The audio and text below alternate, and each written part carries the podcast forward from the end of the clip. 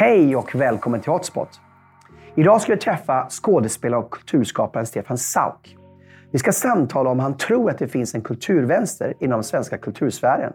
Och om den finns, hur den yttrar sig i så fall och vad som händer om man bryter mot dess dominerande narrativ. Vi ska också tala om det finns plats för sanningssägare i Sverige och hans funderingar på om han upplever att det finns en sovjetisering av Sverige. Välkommen till vårt samtal. Hej och välkommen till Hotspot, Stefan Sauk. Tack. Eh, jag tänkte vi ska tala om kultursfären i Sverige och att agera lite motvalls. Eh, men först ska vi fråga om någonting som vi kan tala om. Vi talar om kulturvänstern. Och du är ju en del av kultursfären i Sverige med filmproduktion, skådespeleri, teater och så vidare. Um, för mig som utomstående så har man intryck av att det finns en ganska stark vänsterdominans inom kulturen i Sverige. Uh, och jag tänkte fråga dig som är en del av det här. Är det en korrekt bild eller är det en överdrift att det finns en vänsternarrativ som dominerar kultursverige? Ja, det tror jag nog. Alltså. Jag, jag, skulle nog säga det. Jag kan, vi kan ju börja där jag började i kultursverige. Mm. Eh, på Teaterhögskolan i Göteborg 1980. Då hade precis den här stora manifeststriden rasat på Göteborgs stadsteater. Eh, som sen eh, mynnade ut i att Sven Wollter och hans kollegor som tillhörde den mera åt det vänstra hållet, KPMLR är ganska långt ut på vänsterflyen, Eh, startade Angeredsteatern utanför eh, Göteborg, i förorten Angered. Och sen de andra som krigade inne på teatern blev kvar på teatern. Då. Eh, och vi som elever då på scenskolan, eller på Teaterhögskolan som det, som det numera heter, det hette då också, det var på något sätt så där man kände att man förväntades ta politisk ställning. Så där. Men jag, jag rörde mig i båda lägren. Jag fick kompisar och vänner i båda lägren. Jag och Sven blev väldigt nära vänner. Eh, och jag hade kompisar inne på Stadsteatern. Så jag, jag kunde aldrig köpa helt och fullt det gänget och jag kunde heller inte köpa helt och fullt det gänget. De hade poänger och de hade poänger. Och så tyckte jag att, nej men eh, vänta nu.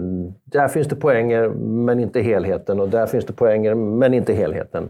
Jag kan inte köpa hela narrativet. Så att för mig personligen så blev det att jag ställde mig liksom utanför. Och jag har gjort det hela tiden och gör det fortfarande. Står liksom, här är det politiska smörgåsbordet. Eh, som vi har framför oss att välja på i Sverige.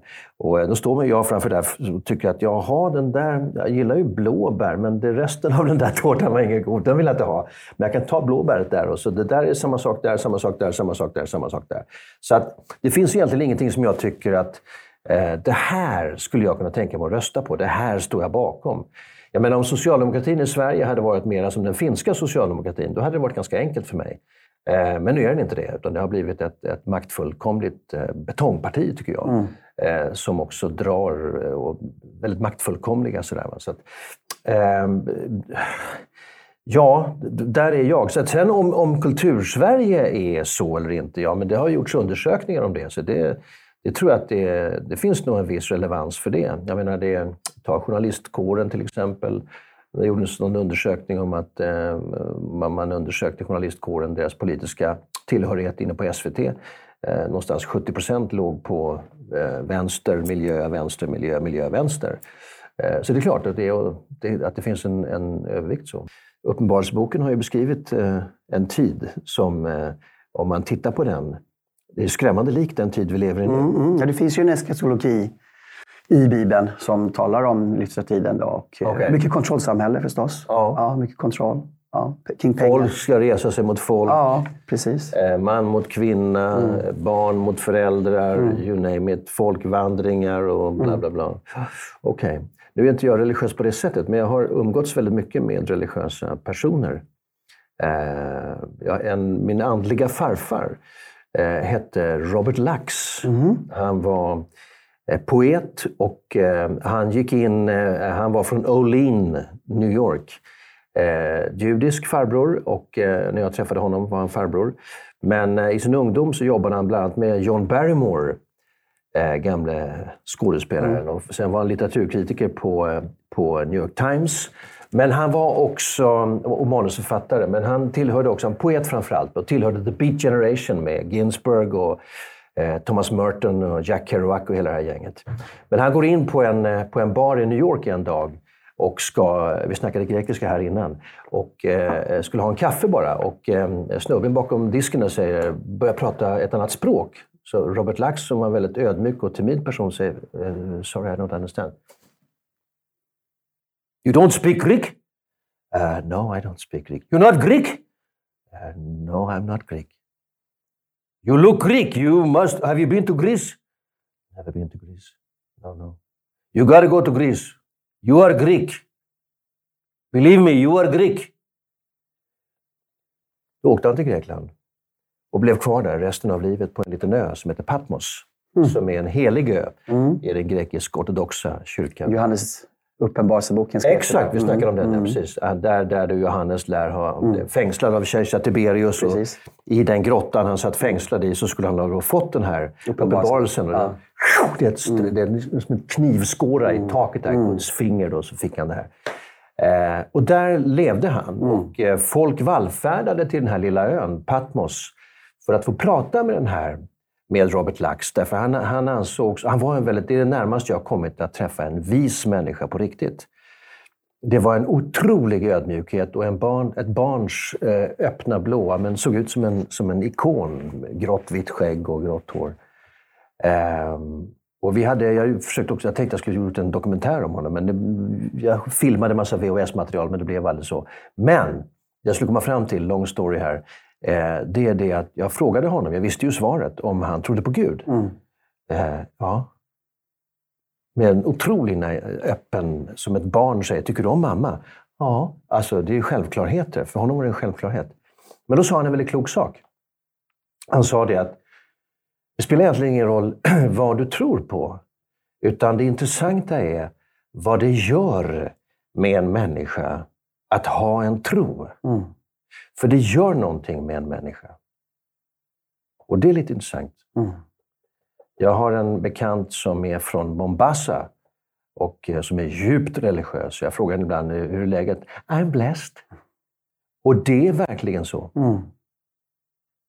Ja, det var, var, var det, jag svarade inte på någon fråga, utan vi började prata om religion. ja, precis. Och du skulle avkoda dagens tid och dagens ja. samhälle och ja. tiden vi lever i. Ja, precis. Jag skulle säga att vi lever i förvirringens tid. Så att, eh, det är ju ingen... ingen eh, jag menar, det, det blir mer och mer förvirrat för varje dag som ja. går, mm. skulle jag säga. Mm. Och eh, man börjar uppfinna alternativa sanningar och, och liksom, vänta nu, det här är ett bord. Ja, det är inte säkert. Ja, det är liksom, då vi, när det inte finns någonting mm. att hålla sig i. Det, blir ju, det blir ju, finns ingenting för oss människor att hålla sig i. Och då måste det bli, och om då en vuxenvärld också har abdikerat och inte vågar säga vänta nu, här är gränsen. Eh, då blir det kaos. Det blir kaos. Mm. Och det, det, jag måste säga, det måste, fan för att vara ung idag. Mm. mm. Med också den sociala, alltså sociala medier och den påverkan sociala medier har. Du ska se ut på det sättet, du ska se ut på det sättet, du ska tycka det, du ska mm. tycka det, du ska tycka si, du ska... Eller så är du ute. Mm. Och det här är ju liksom... Eh, så egentligen skulle man bara vilja kalla in ett gäng vuxna människor och styr upp det här nu, för nu, nu börjar det gå åt helvete. Det är inte konstigt att unga människor känner eh, mycket ångest idag. Alltså den sociala ohälsan galopperar just galopperar. för att ja. allt är så osäkert. Och... Det finns ingenting. Nej. Inte ens föräldrarna vågar vara föräldrar längre. Nej. Vad det nu innebär. Men mm. Sen kan man ju tycka att vi ska inte ha någon jävla sergeant som står där och mm. gapar i mm. kulissen. Mm. Men, men jag menar om man tittar på... Ramar och fasthet. Ja, men alltså om man tittar på eh, psykologin. Det finns inte en barnpsykolog i världen som skulle säga att men, fasta ramar är väldigt viktigt. Mm. Det är väldigt viktigt. Och konsekvensen att hålla de ramarna också. Väldigt viktigt. Därför det är trygghet. Mm. Sen ska du hälla en tunna kärlek i det här. Mm. Men that's it. Mm. Sen kan man diskutera. Never mind. Mm. Det snackade vi om just nu. Vad vill du prata precis. mer om då? Nej, men, nej, men jag är inne på det här med kulturvänstern. Kulturvänstern? Ja, du, vill, du vill skjuta in det på kulturvänstern? Ja, jag vill, jag vill, du är ju en insider. Du har ju levt du har levt och lever i den här världen. Ja. Eh, och för mig som då utåtstående vill förstå eh, hur, mycket, hur många är det? Är det, är det bara en liten klick som är tongivande? Är det liksom en överdrift? Eh, när det kommer till kulturväsen. Vi har, vi har liksom på 68-rörelsen så har vi många som går in på Journalisthögskolan. På? Journalisthögskolan. Ja, ja, ja. Och vi får liksom en väldig påverkan. Du, du nämnde här med eh, på SVT att 70 procent röstar vänstergrönt. Eh, var liknande som skedde också inom kultursfären? Teaterhögskolan? Jag kan inte säga att det var så. Nej, jag, jag, men, eh, nej, jag kan inte säga. Alltså, jag kan bara tala utifrån min verklighet. Så att säga. Sen har jag ju en känsla eh, av hur det ser ut i kultursverige. Eh, och den, alltså Kultursverige är ju väldigt ängsligt. Ja. Det finns en ängslighet. Du ska vara rätt och är du inte rätt och är det någon som kliver lite utanför ramen, vilket jag har gjort Ja. eh, nästan från början, eh, så, så blir det lite sådär att, "Åh, jobbigt. Eh, men eh, Och vad beror ängsligheten på? Alltså vi människor är, vi är, eh, vi är flockvarelser. Vi väljer en grupp som vi vill tillhöra. Och då anammar vi den gruppens, eh, vad ska jag säga, sätt att tänka och vara. Och, eh, och sen försöker vi vara den gruppen, tillhöra den gruppen. Det är väldigt, det är väldigt få människor som jag upplever, man, man känner som man träffar, som, som verkligen har tänkt igenom, tänkt igenom det de står för. Och tänkt en egen tanke. Utan det är väldigt mycket man eh, go with the flow. Alltså det här är min grupp, här ska man tänka så här. Och idag har vi en situation också eh, där vi har en tystnadskultur, vi har en åsiktskorridor som vi snackar om, eh, political correctness, eh, woke. Eh, det är en massa saker, det är mycket nu man ska tänka på. Eh, och det finns också inom företagsvärlden och näringslivet och på jobben finns det code of conduct. Hur du ska vara, hur du ska inte vara och så vidare. Va? Vad du får säga, vad du inte får säga. Och det här finns ju det finns en väldig fara i detta. Eh, och det är egentligen, skulle jag säga, den, eh, en minst lika stor demokratifara som eh, en totalitär regim. Alltså, därför att det här kommer ju leda någonstans. Det här bäddar ju för någonting. Är det liksom, alltså det, det, är nästan, det är ingen som styr den, utan det är nästan så här, liksom, som amöba kanske. Som, Ja, man undrar liksom, man- men ibland undrar jag, fan, har världen blivit fått fnatt hela världen? Har världen blivit tokig liksom? Vad, vad händer? Och så säger man så här, ja, fan, jag tycker, världen har tappat det. Människorna har tappat det. Sverige har tappat Alla har tappat det. Och den som säger att, att liksom Sverige har tappat det blir, blir ju den som blir liksom skjuten och säger att han har tappat det. mm, Eh, fast det är inte så. mm, Det är inte så. just det. Eh, jag tänkte hålla kvar. Ja, Ja, du håller kvar vid det här med kulturvänstern. ja, ja kulturen överhuvudtaget, tänker jag. Ja. Mm. Jag tycker det finns en, en, eh, jag tycker det finns en feghet i kulturens Ja. värld. Eh, därför att, jag menar, eh, jag menar som, som skådespelare, författare, målare, whatever. Mm. Det finns, jag menar, okej, jag vill måla, jag vill göra det här. Det är huvudgrejen. Jag ska bli så bra som möjligt på att göra detta. Eh, för att kunna göra det jag vill, eller måla det jag vill, eller skriva det jag vill, eller så vidare. Va? Och... Eh, men det finns ju också, det behöver inte finnas det, men att vilja, att man har någonting på hjärtat. Att man har någonting man vill visa. Man vill hålla upp en spegel för sin samtid och säga antingen “titta vad vackert det här är” eller “jag gör så här” och så twistar jag det lite grann. va? För att liksom se, vad tycker ni om det? Eller “how about that?” eh, Eller någon som kör en stand-up eller, eller någon som säger någonting i något program eller gör satir eller någonting och säger “här, titta, Mm. eh, är det här bra?” Och ja, det där är... Det finns en feg... Jag, jag tycker det finns... Egentligen så tycker jag att kulturen ska vara som... Eh, inte bara, men som narren i... Eh, den kloka narren i kungens öra som säger Du, nu är du jävligt korkad. Kan du fixa till det här? Eller så här kan du inte göra, eller så kan du inte göra. Eh, jag tycker någonstans... Och, och den måste stå fri. Så att det blir, för mig blir det tossigt om, eh, om kulturen, hela kulturvärlden har ett narrativ. Liksom. Då stagnerar den. Jag tycker att det finns en risk för att den stagnerar. Den blir enögd. Har den stagnerat i Sverige, tycker du?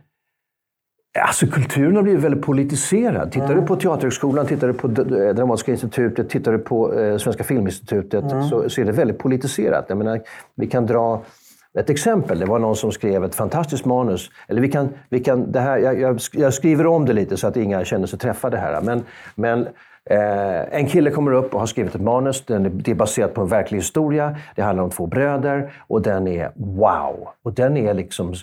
Människor som jobbar och har erfarenhet och har jobbat länge säger wow, vilket manus. Den här, det, den här ska bara göras.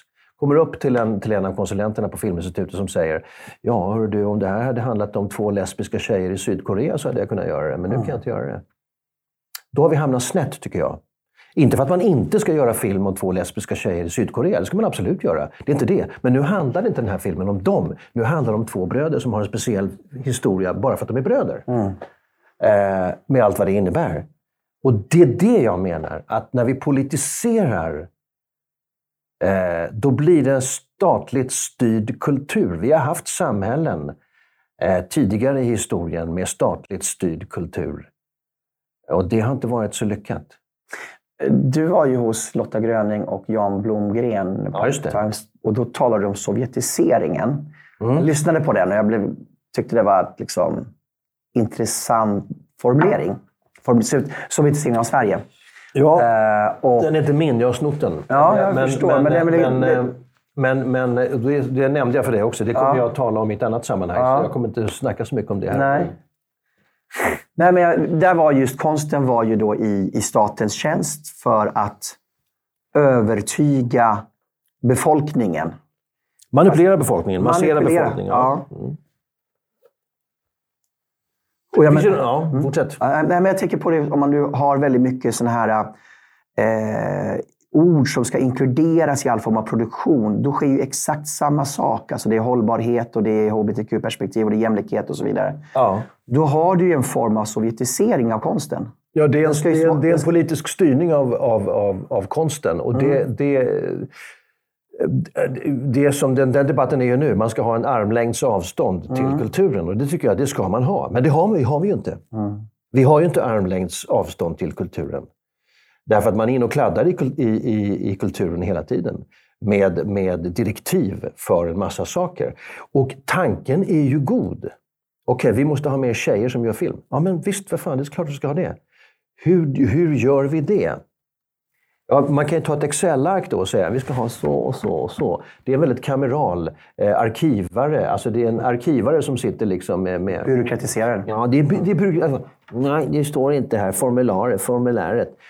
Men man måste göra det på ett annat sätt på något sätt. Det måste ske på ett annat sätt. Så att det blir på riktigt. Mm.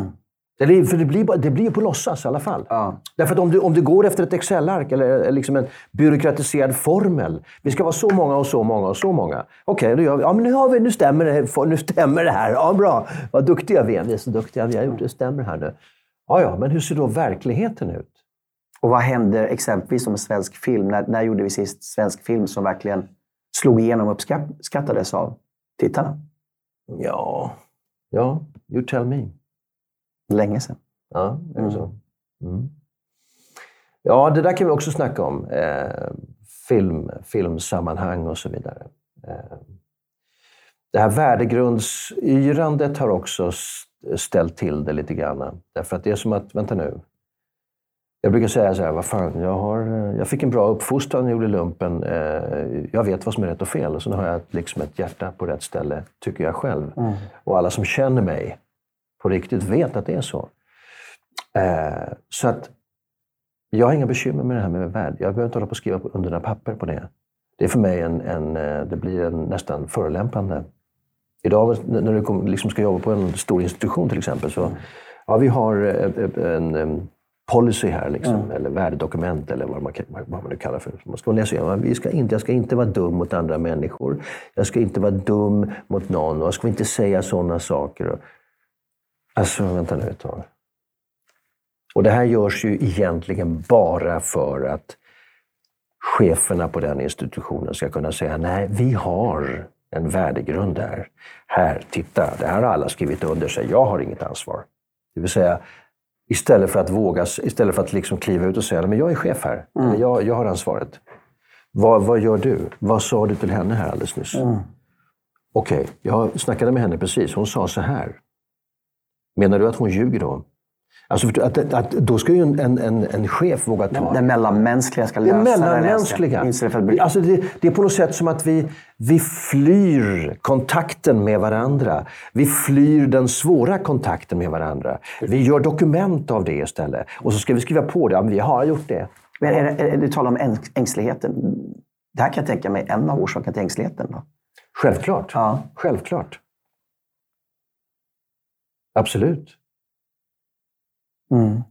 Och vad händer för, med dem inom kulturvärlden? För det är en stor konkurrens att få roller, pjäser, tv-serier, filmer, whatever. Liksom, som, det är många som vill jobba med det här.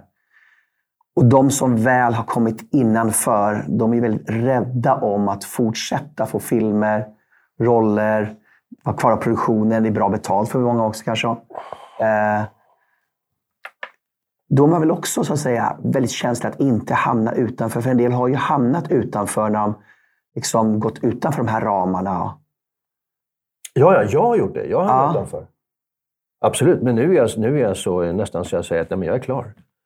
Jag har gjort mitt, så att, eh, det är okej okay för mig att hamna utanför. Eh, även om jag tycker att det är fullständigt vansinnigt och absurt. Men du är ju äldre. Det är inte lätt för en ung människa. Nej, nej. En, unga kollegor som, liksom, som jag jobbar med, mm. som säger till mig nyligen liksom att ah, fy fan vad jag gillar det du gör. Alltså, jag tycker det är liksom, och verkligen plussa fan med att du vågar. Mm. Jag skulle aldrig våga säga de grejerna du gör. För att då, då skulle jag vara död. Och då har vi ett samhälle där unga människor som jobbar med kultur inte vågar ha, alltså, tala klarspråk eller, eller säga vad de tycker. Och det här är inga kontroversiella saker. Det är inte, jag, menar, jag är inte speciellt kontroversiell. Jag, om man tittar på vad jag har sagt i sociala medier så är inte det så jävla kontroversiellt. Mm. Det är faktiskt inte det. Jag menar, det jag gjorde, det började 2018 på våren när jag liksom på skoj bara satte mig i bilen med en kompis och med en filmkamera. För jag hade sneat till på Daniel Heldén och den här, den här trafikpolitiken som, som vi har i Stockholm eh, hade och har fortfarande. Och tyckte att det här är fullständigt absurt. Och det här ska vara ett miljöperspektiv. Det spelar ingen roll. Vi kan cykla arslet röda så vi ser ut som babianer hela högen. Ingen det, det, kommer inte, det är inte ens mätbart i, i det stora perspektivet. För att jag menar, klimatet är det ja, klimat, man var hår, hårklyveri här. Det finns lokala klimat, det finns väder. Och sen har du jordens, men det finns inget gemensamt klimat mm. för jorden. Eh, men om vi ska vara rädda om den här eh, atmosfären som vi har och inte skita ner den för mycket. Eh, så vad vi gör här och vad de gör här, det är liksom det, det, det, det, det, det, det lilla är det stora. Det lilla vi gör här, mm. och vi cyklar i Stockholm, det är bra för folkhälsan. Det är ju kanon att folk cyklar. Det är super. Jag tycker det är toppen. Cykla på. Alla som kan cykla, cykla. Eh, men det har ingenting med klimatet att göra, för det är globalt. Och sen är det så att, jag menar, det är symbolgrejer. Och vad jag skulle komma fram till var det att det började med att jag snedde till på Stockholmstrafiken för jag tyckte den, den inte funkade. Det, det, det, det, är mycket mer klimatsmart att ha en ringled och och se till att folk kommer fram istället för att det ska liksom bara proppa till och folk står och blir vansinniga. Och göra banala lösningar. Och gör, ja, precis. Va? Och eh, den där snutt, filmsnutten, den, det blev ju 50 minuter material. Och då sa jag till Jocke Amorell som, som då filmade att men fan, kan vi inte försöka klippa ner det? Ja, men jag, kan, jag kan försöka. Han försökte klippa ner det. Han klippte ner den till 11 minuter. Ja, 11 minuter? Herregud, det där är alldeles för långt. Ehm, så jag lät den där ligga på skrivbordet och tänkte att det, det var bara en kul grej. Det blev ingenting av det. Men så skulle jag åka ner till Toscana 2018, sommaren. Och eh, eh, tänkte ah, jag slänger upp den där på min officiella Facebook-sida. Får, mm. får den ligga där. Den som vill titta, tittar. Eh, orkar de titta i 11 minuter så gör de det. Och sen efter ett dygn, så när jag hade varit nere där, så, så tittade jag. Då hade den haft 135 000 visningar på ett dygn. Och då tänkte jag, what? Eh, och då kände jag att, jaha, vänta nu. här måste jag ta ansvar för. Vad, mm. vad gör jag med det här nu då? Mm. Jag kanske ska göra en till och vara lite mer nyanserad. Eh, vilket jag gjorde. Den hade kanske 600-700 000 visningar. Den där tror jag är uppe i 1,8 miljoner visningar, mm. den där första.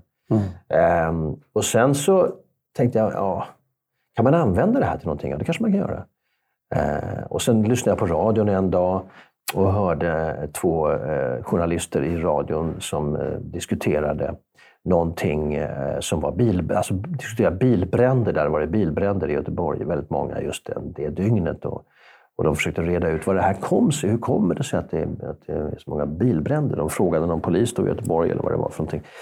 Och, liksom, vad, vad, vad, och det var så det var så tydligt, de här två journalisterna som, som intervjuade då sakkunskapen i Göteborg, att de var så långt ifrån den verkligheten. De förstod inte. Och deras sätt, man kan ju höra eh, hur, hur pass insatt en människa är. Eh, det kan låta skrämmande, men, men det är faktiskt så. Man kan också se på en människa hur pass insatt en människa är. Eh, vi, är, vi är öppna böcker, vi människor. Det går att läsa väldigt mycket. Sen finns det väldigt mycket som man inte kan läsa och som sen kommer att uppdagas efterhand. Man kan ha förutfattade meningar och tänka, vänta nu, den här människan verkar vara så här och sen är det tvärtom. Och det är bara, sånt är ju helt underbart. Men, och då gjorde jag en sån om de här, eh, för att visa på deras, eh, vad ska jag säga, världsfrånvändhet eller liksom eh, bortvändhet från verkligheten som också då fick en väldig massa visningar. Sen gjorde jag det här. Men det, jag har inte sagt några kontroversiella saker. Mm.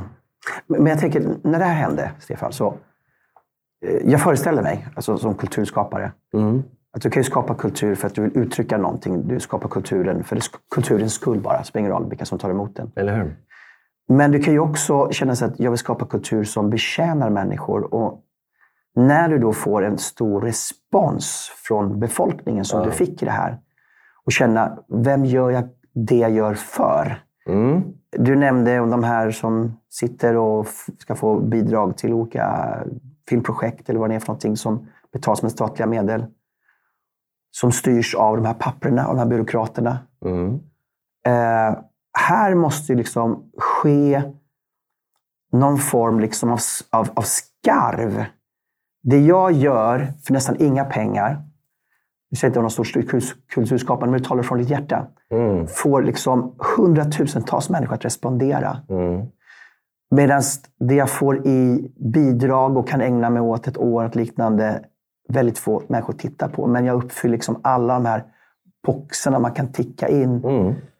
Finns det liksom ingen reflektion bland kulturskaparna? Liksom att, det tror jag säkert det gör. Ja. Jag tycker, man, jag tycker det ska finnas eh, utrymme för båda, eh, för, för alla, alla sorter. Mm, absolut. Ska vara ärlig. Ja. Jag tycker att det finns också, därför att vi kan inte bara ha en kommersiell, eh, kommersialiserad kultur, för då blir den också, vi måste, vi måste lyfta och eh, eh de här smala kulturskaparna som, som eh, håller på med någonting som är väldigt udda, väldigt eget, de måste också lyftas. För då, där finns ingen bärighet, alltså kommersiell bärighet. Och då tycker jag det är statens ansvar att lyfta så att vi kan ha en kultur som är mångfacetterad. Det är det viktiga. Eh, och där tycker jag man har missat. Och det har, det har ingenting med vilken regering vi har. Eh, de, är, de är bättre eller sämre på det här, men för att det, det, det, det har vi liksom alltid, eller har man alltid snackat om, liksom, att, att man måste kunna hålla liv i den här och i den där och i den där och i honom och i henne. Eh, och den här gruppen och så vidare. Eller den här målaren, den här, det här som gör liksom helt udda saker. Ja. Ett väldigt brett fält man egentligen ska... Ja, jag tycker man, för, att, för att annars så... Eh, vi kan heller inte ha en genomkommersialiserad kultur. Nej. Därför att den blir flack och tenderar att bli platt. Och eh, faktiskt också fördummande. Därför att den, den spelar på de enklaste strängarna hela tiden. Mm. Vi måste ha en kultur också som vågar problematisera, som, som, som, som eh, kan gestalta liv och det mänskliga livet och de mänskliga problemen på ett mer komplicerat sätt och på ett kanske konstnärligare sätt, vad det nu än är för någonting. Men konstnärlighet kräver ju integritet. Utan integritet, ingen konstnär. Det är min bestämda uppfattning. Och Eh, vad händer med den konstnärliga integriteten? Om du sitter till exempel ett helt manusförfattargäng på Skeppsbron och skriver manus eh, och så byter man konsulent på Filmhuset och man håller på med sitt livsprojekt här. Jaha, vänta nu, vad gör den? Jaha, där jävlar också. Fan! Den konsulenten kom istället. Den gillar ju inte den här typen av historier. Okej. Okay. Får vi skriva något annat? Ska vi se, vad hittar vi på då? Jo, vi kan skriva om det här. Är det en fri konst? Mm. Jag ställer frågan. Absolut inte. Absolut inte. Finns det en konstnärlig integritet här? Nej. Ja, den kanske finns där, men mm. ekonomin. Först kommer brödet, sen kommer moralen, som Brecht sa. Mm. Brödet först, sen moralen. Eh, så att det finns så väldigt många parametrar och mycket att spela med här. Men det finns en fara när vi politiserar kulturen för mycket. Armlängds avstånd, absolut. Jag skulle säga benlängds avstånd. Mm. Eller som jag sa till en producent en gång som, som var inne och kladdade i, i den konstnärliga processen och sa du, du, ditt jobb är klart. Sätt dig i garderoben och håll käften. du har fixat pengarna. Nu gör vi det här. Nu sa jag inte på det sättet, men, men i princip. Alltså. Mm. Därför att eh, vederbörande var inne och kladdade på ett sätt som inte var bra för filmen. Eh, och det var inte bra för filmen heller. Vilket vi sen sedermera upptäckte. Eh, så att... Nej, det, det, ja, det finns mycket att snacka. Hur skulle du bedöma det? Bedöma vad då? Bedöma eh, den kulturella utvecklingen i Sverige. Tycker att den blir mer ängslig eller börjar liksom börja frigöra sig på något sätt? Va? Att den kommer ur sitt äggskal, att det liksom börjar knacka lite överallt. Och, jag tror att det knackar lite överallt ja. om man ska vara ärlig. Jag upplever nog det. För det finns ju också, en, det finns ju också du visade mig något klipp här på, på, på telefonen tidigare. Mm. Eh, det finns ju Freudian också... Slip. Ja, det mm. finns ju liksom folk som, nu vet inte jag vad de håller på med, jag har inte mm. sett det, men, men, men vi skiter i namnen här på dem. Men, men, men eh, det knackas ju lite här och det knackas lite där. Och, mm. och det hänger ju också ihop med att verkligheten börjar komma ikapp, så att mm. säga. Den börjar bli för påträngande. Vänta nu, vi måste... Wow, vad fan händer? Vi, vi, vi, här måste vi snacka om. Jo, jo, det var många som sa att vi måste snacka om det för länge sedan. Men, men då fick man inte snacka om det. Men nu måste vi snacka om det. Vi måste snacka om det, för nu kommer verkligheten ikapp. Och det gäller i det stora hela i, i vårt samhälle lite grann. Men sen är det också så att jag upplever nog det. Jag upplever nog det att det finns eh, men det finns ju mot... Det finns ju, det finns ju, alltså, det goda samtalet. Vi måste hitta tillbaka till det goda samtalet. Eh, och det, goda, det, det som är en, en parameter för det goda samtalet, att det ska vara ett gott samtal, det är att om du och jag har ett sådant samtal så måste var och en av oss vara beredd att ändra uppfattning.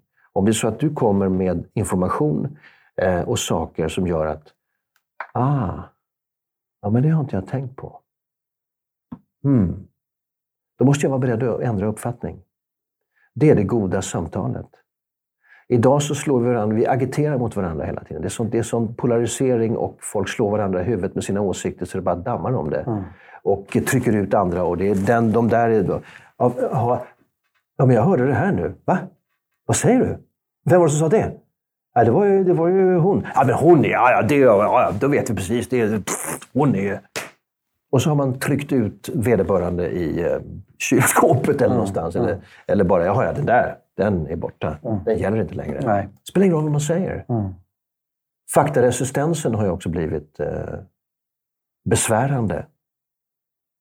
Faktiskt. Jag kan personligen känna en längtan efter det goda samtalet. Ja. Uh, att mötas och lyssna. Eh, man kanske alltid behöver ändra åsikt, men man ändå kan få andra perspektiv. Eh, jag vet inte, är, är väldigt få som är ensamma om det eller finns det en längtan efter någonting annat? För det är ganska tröttsamt också att höra den här aggressiva tonen hela tiden. Den raljerande, ja, ja, ja. bortslående tonen. Alltså det, den blir ju tröttsam efter ett tag. Ja, I, I början är det kanske lite roligt att alla är som fotbollshuliganer. Va? Och liksom hatar på andra laget. Men efter ett tag så är det jobbigt att leva i en sån samhälle. Ja, det är det. Vad är din fråga? Nej, om det är om det här längtan efter goda samtalet. Om du kan se att det börjar växa bland folk eller om vi mm. fortsätter bara gå i samma riktning. Det kommer liksom bara bli värre längre fram här innan det kanske möjligtvis förhoppningsvis vänder.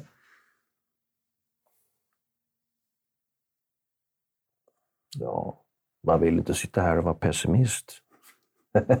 du får vara pessimist om det är det Nej, tror. jag, tror att, jag tror att vi måste nog köra en bit till innan vi, Ja. innan vi smäller i väggen och begriper att vi måste, vi måste göra på något annat sätt. faktiskt. Mm. För att det här... eh, Om jag kommer tillbaka till det här eh, så att säga, knackandet, så att säga, längtan att bryta loss.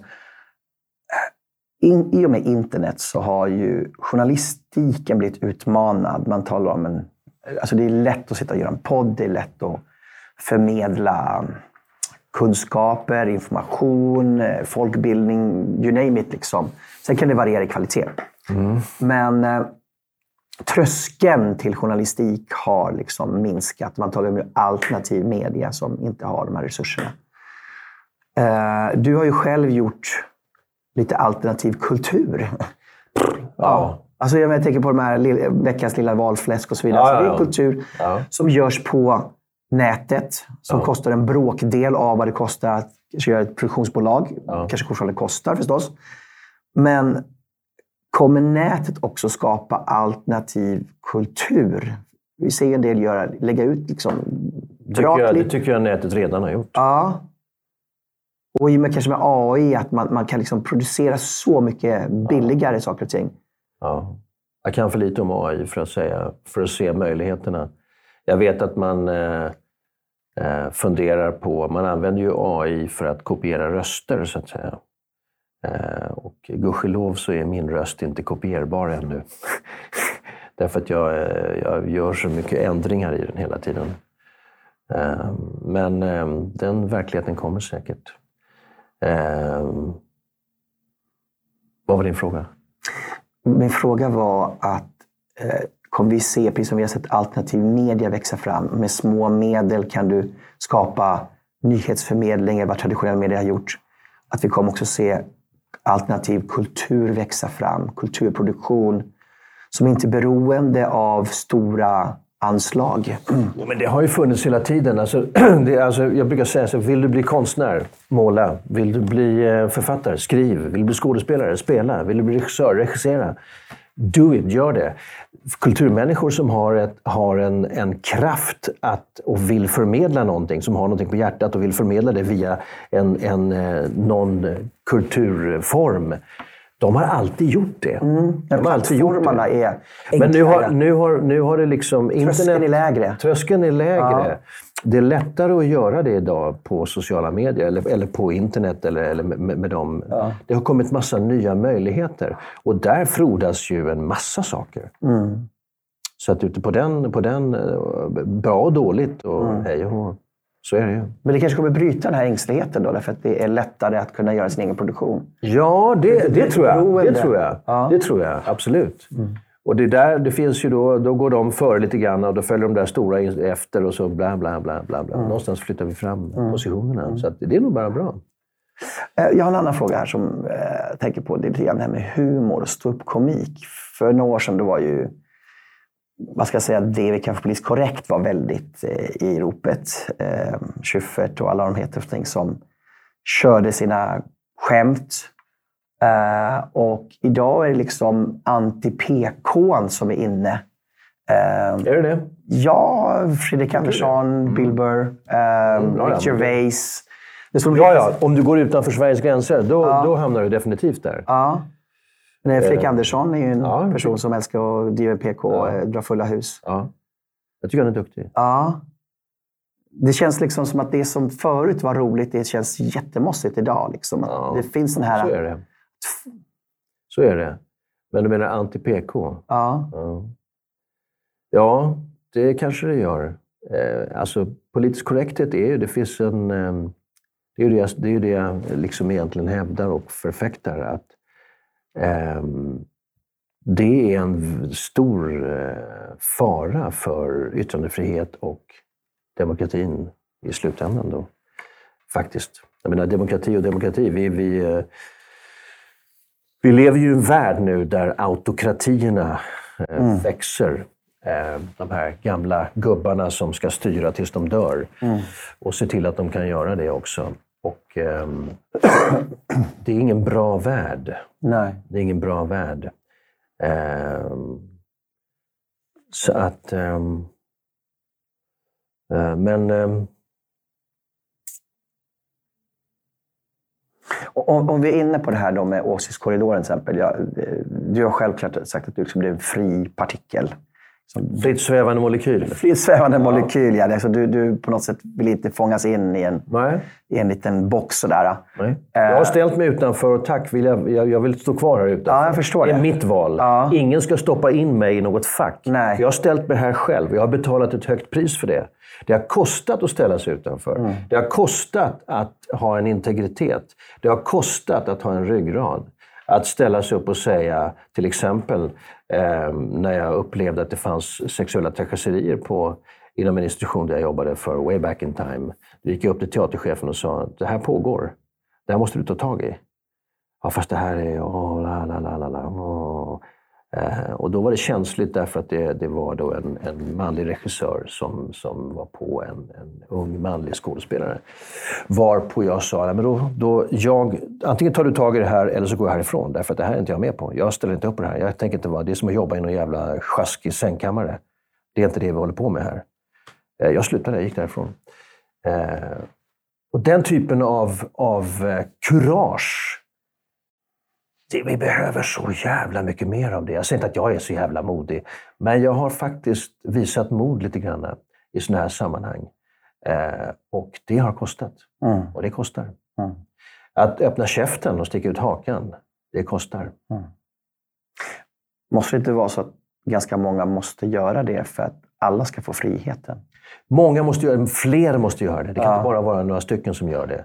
Och sen har vi ju en, en massa människor som skriker högt i högan sky om en det ena än det andra i liksom mer eller mindre rabiata tonlägen.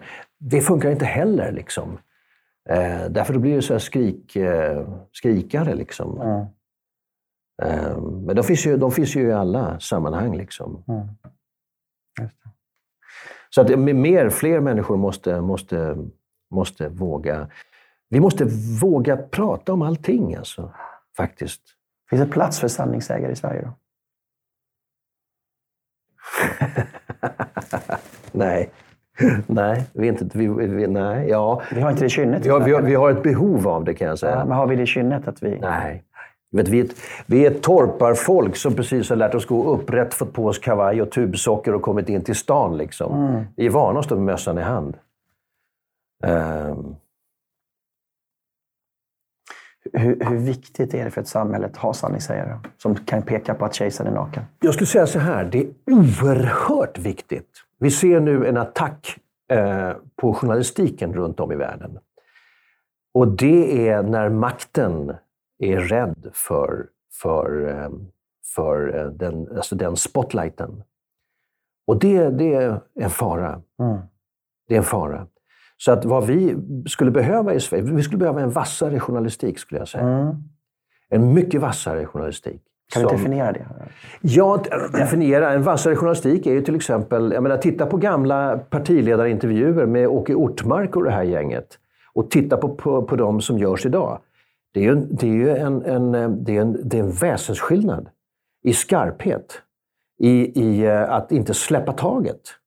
Att ställer jag en fråga och så får jag ett, ett svar som är någon slags eh, ja, floskel sådär, så släpper man taget. Man går inte vidare. Vänta, vad menar du med det? Men Anders Holmberg har ju det här. här. Han har det. Ja, han har det absolut. Minuter, ja. ja. det tycker jag absolut. Mm. Men han, han är ju ganska ensam. Mm. På riktigt alltså. Men han har det definitivt. Jag gillar det han gör. Eh, så det, det är... Det behövs mycket mer. Mm. Det behövs mycket mer. Jag hade ett exempel här, men vad fan var det jag tänkte på?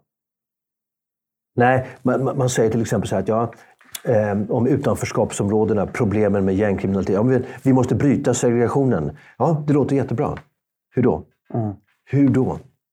Alltså det här är sådana frågor. Viktiga följdfrågor Den, för De här viktiga problemet. följdfrågorna måste ja. ställas till våra politiker, ja. till våra makthavare, de som sitter och, och styr.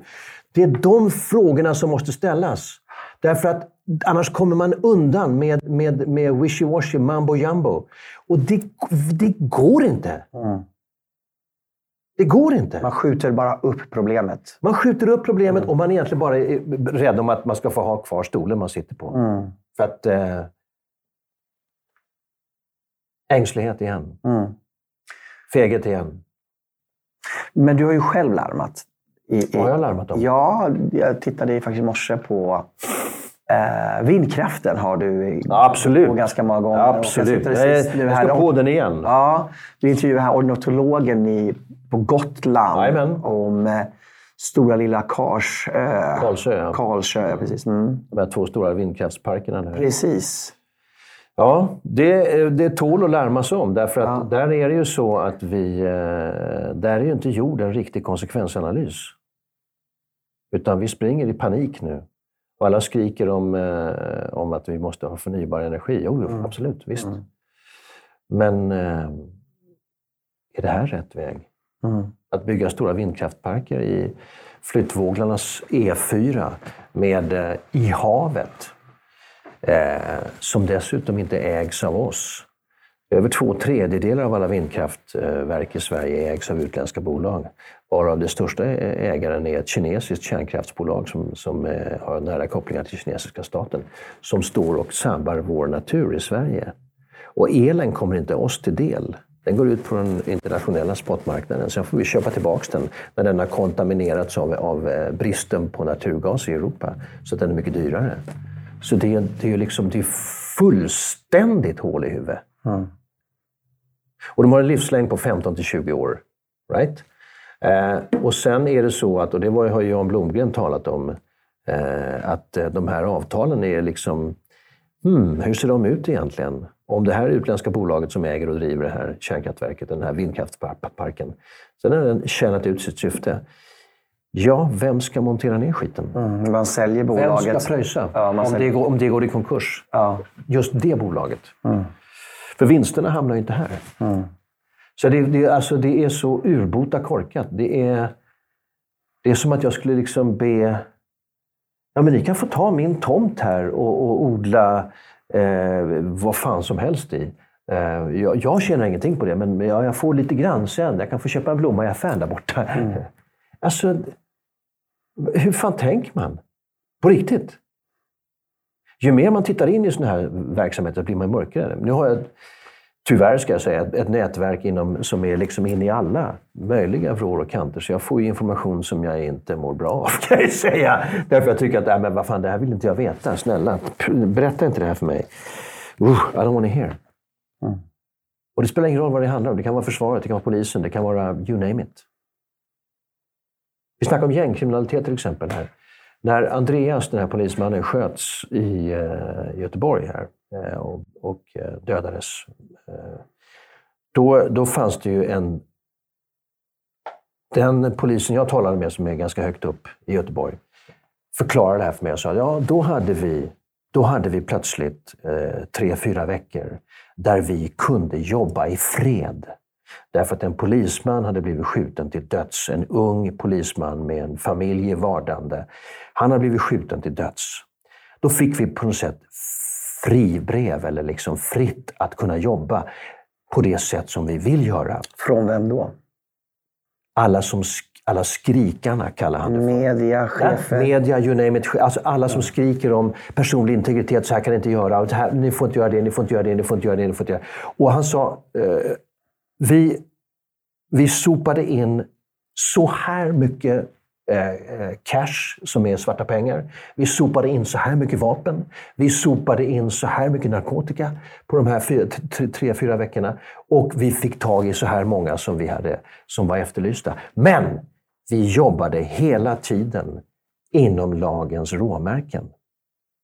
Vi gick aldrig utanför lagens råmärken. Men vi fick, vi fick jobba i fred med det vi skulle göra. Och det är lite intressant. Sen efter tre, fyra veckor, fyra, fem veckor så ja, då börjar det stöka igen. Då börjar liksom, ja, men sådär, var lite försiktiga där. Ni kan inte göra det, för då ska ni, för det, vet, tänk på det och sådär. Mm, ja, men det här är, ja, hur känns det integritetsmässigt och bla bla bla. bla. Alla de här liksom, som man, de kommer ju från ett gott perspektiv, men det blir ju sandlåda av det. Har vi förläst oss på Bamse kanske? Eller? Dumsnälla eller? Jag brukar kalla oss svenskar för en, för en eh, lattelapande dagisbefolkning. Ja. Det ligger någonting i det, faktiskt. Vi är ju eh, lite grann ansvarsbefriade också.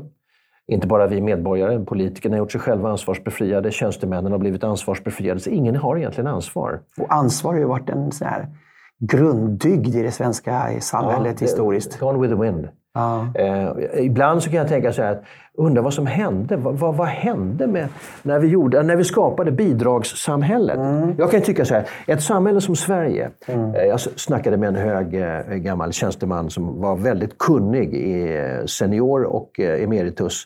Eh, som, det här med nationalekonomi och hur samhället funkar och hur, hur också näringslivet funkar björnkoll. Verkligen björnkoll. Han sa det. Ett samhälle som Sverige, det här backar vi kanske fem år. Ett samhälle som Sverige, vi har råd. Alltså 10 procent av, av, befolkningen kanske inte eh, pallar, eh, blir sjuka, är sjuka i själen, får cancer, får någon arm bruten, bla bla bla, eller något annat går åt helvete. 10 procent av befolkningen, det har man råd att lyfta upp och hålla dem så att säga, på en anständig levnadsnivå. Det har ett, ett samhälle som Sverige ska ha råd med det. Vi måste ha en solidariskt tänkande eh, att vi ska ta hand om de som är, svagast. Det måste vi kunna göra. Det är, ett, det är det samhället jag vill leva i. Och det har vi råd med i Sverige. Eh, och det kanske är 10 procent av befolkningen. Fine.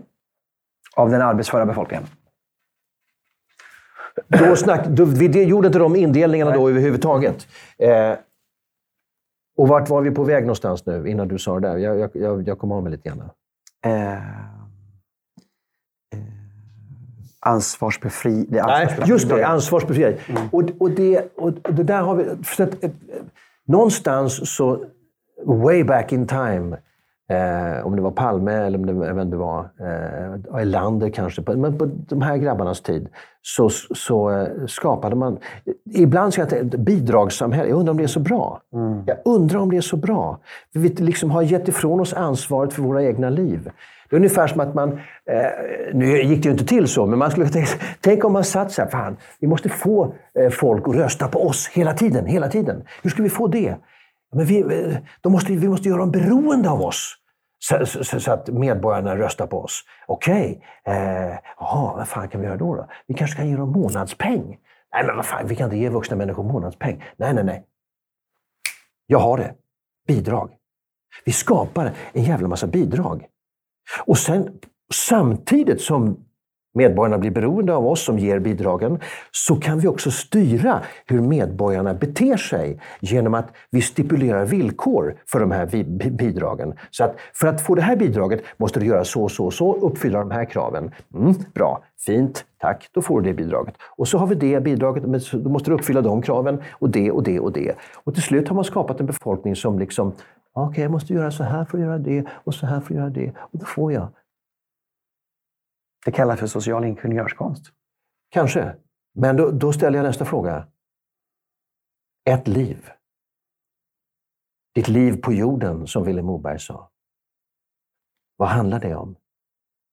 Att jag ska bli omhändertagen av någon jävla tjänsteman?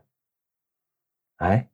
Livet handlar ju om att leva, att älska, att slåss, att, att kämpa för någonting, att, att, att göra bygga upp någonting. Bygga upp någonting. Det gick åt helvete. Fan, jag lärde mig. Ah, helvete vad dum jag är. Hur ska jag göra? Ja, men du gör så här. Ah, okej. Okay. Ah, vi skapar det här, vi skapar det här, vi skapar det här.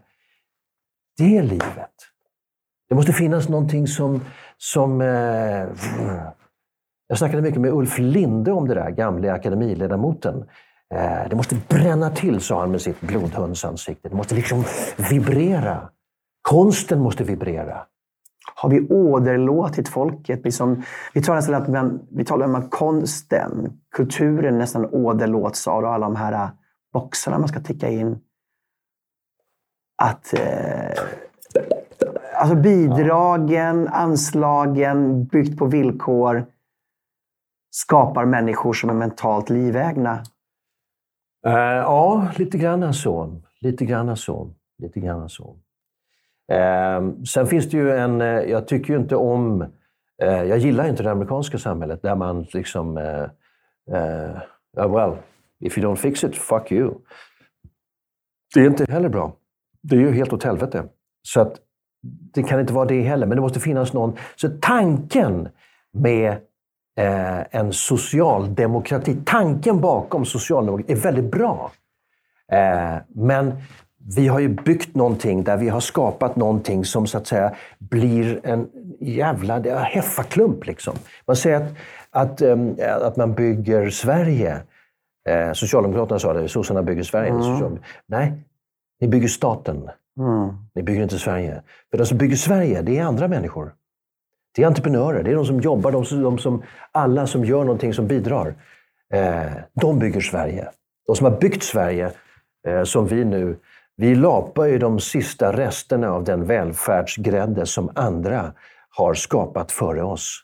Jag hade en gäst här som heter Anders Bergeskog som har skrivit om det svenska, eh, hur Sverige blev ett högskatteland. och eh, enligt de siffror han tittade på så hade vi den största ekonomiska tillväxten mellan 1870 till 1939. Strax före andra världskriget. Mm. Efter andra världskriget så hade vi faktiskt en lägre tillväxt än övriga motsvarande länder. Det kom någon från en låg nivå förstås. Men vi å andra sidan hade ju kvar vår industripark. Eh, så att reallöneökningarna var inte så höga som vi egentligen har trott. Utan det som verkligen byggde Sverige ekonomiskt, det var fram till andra världskriget. Sen fördelade man pengarna efter andra världskriget genom att bygga upp välfärdsstaten. Mm. Så det finns ett narrativ där som kanske är en myt egentligen, att Socialdemokraterna byggde Sverige. Som du säger, de byggde staten. Mm. Det skulle jag nog säga. För det är inte våra politiker som bygger Sverige. Det har aldrig varit politiker som bygger Sverige. Jag menar, Sveriges välstånd vilar ju på, en, på industrier. Och det är ju inte politiker som driver industrierna. Så är det ju inte. Mm.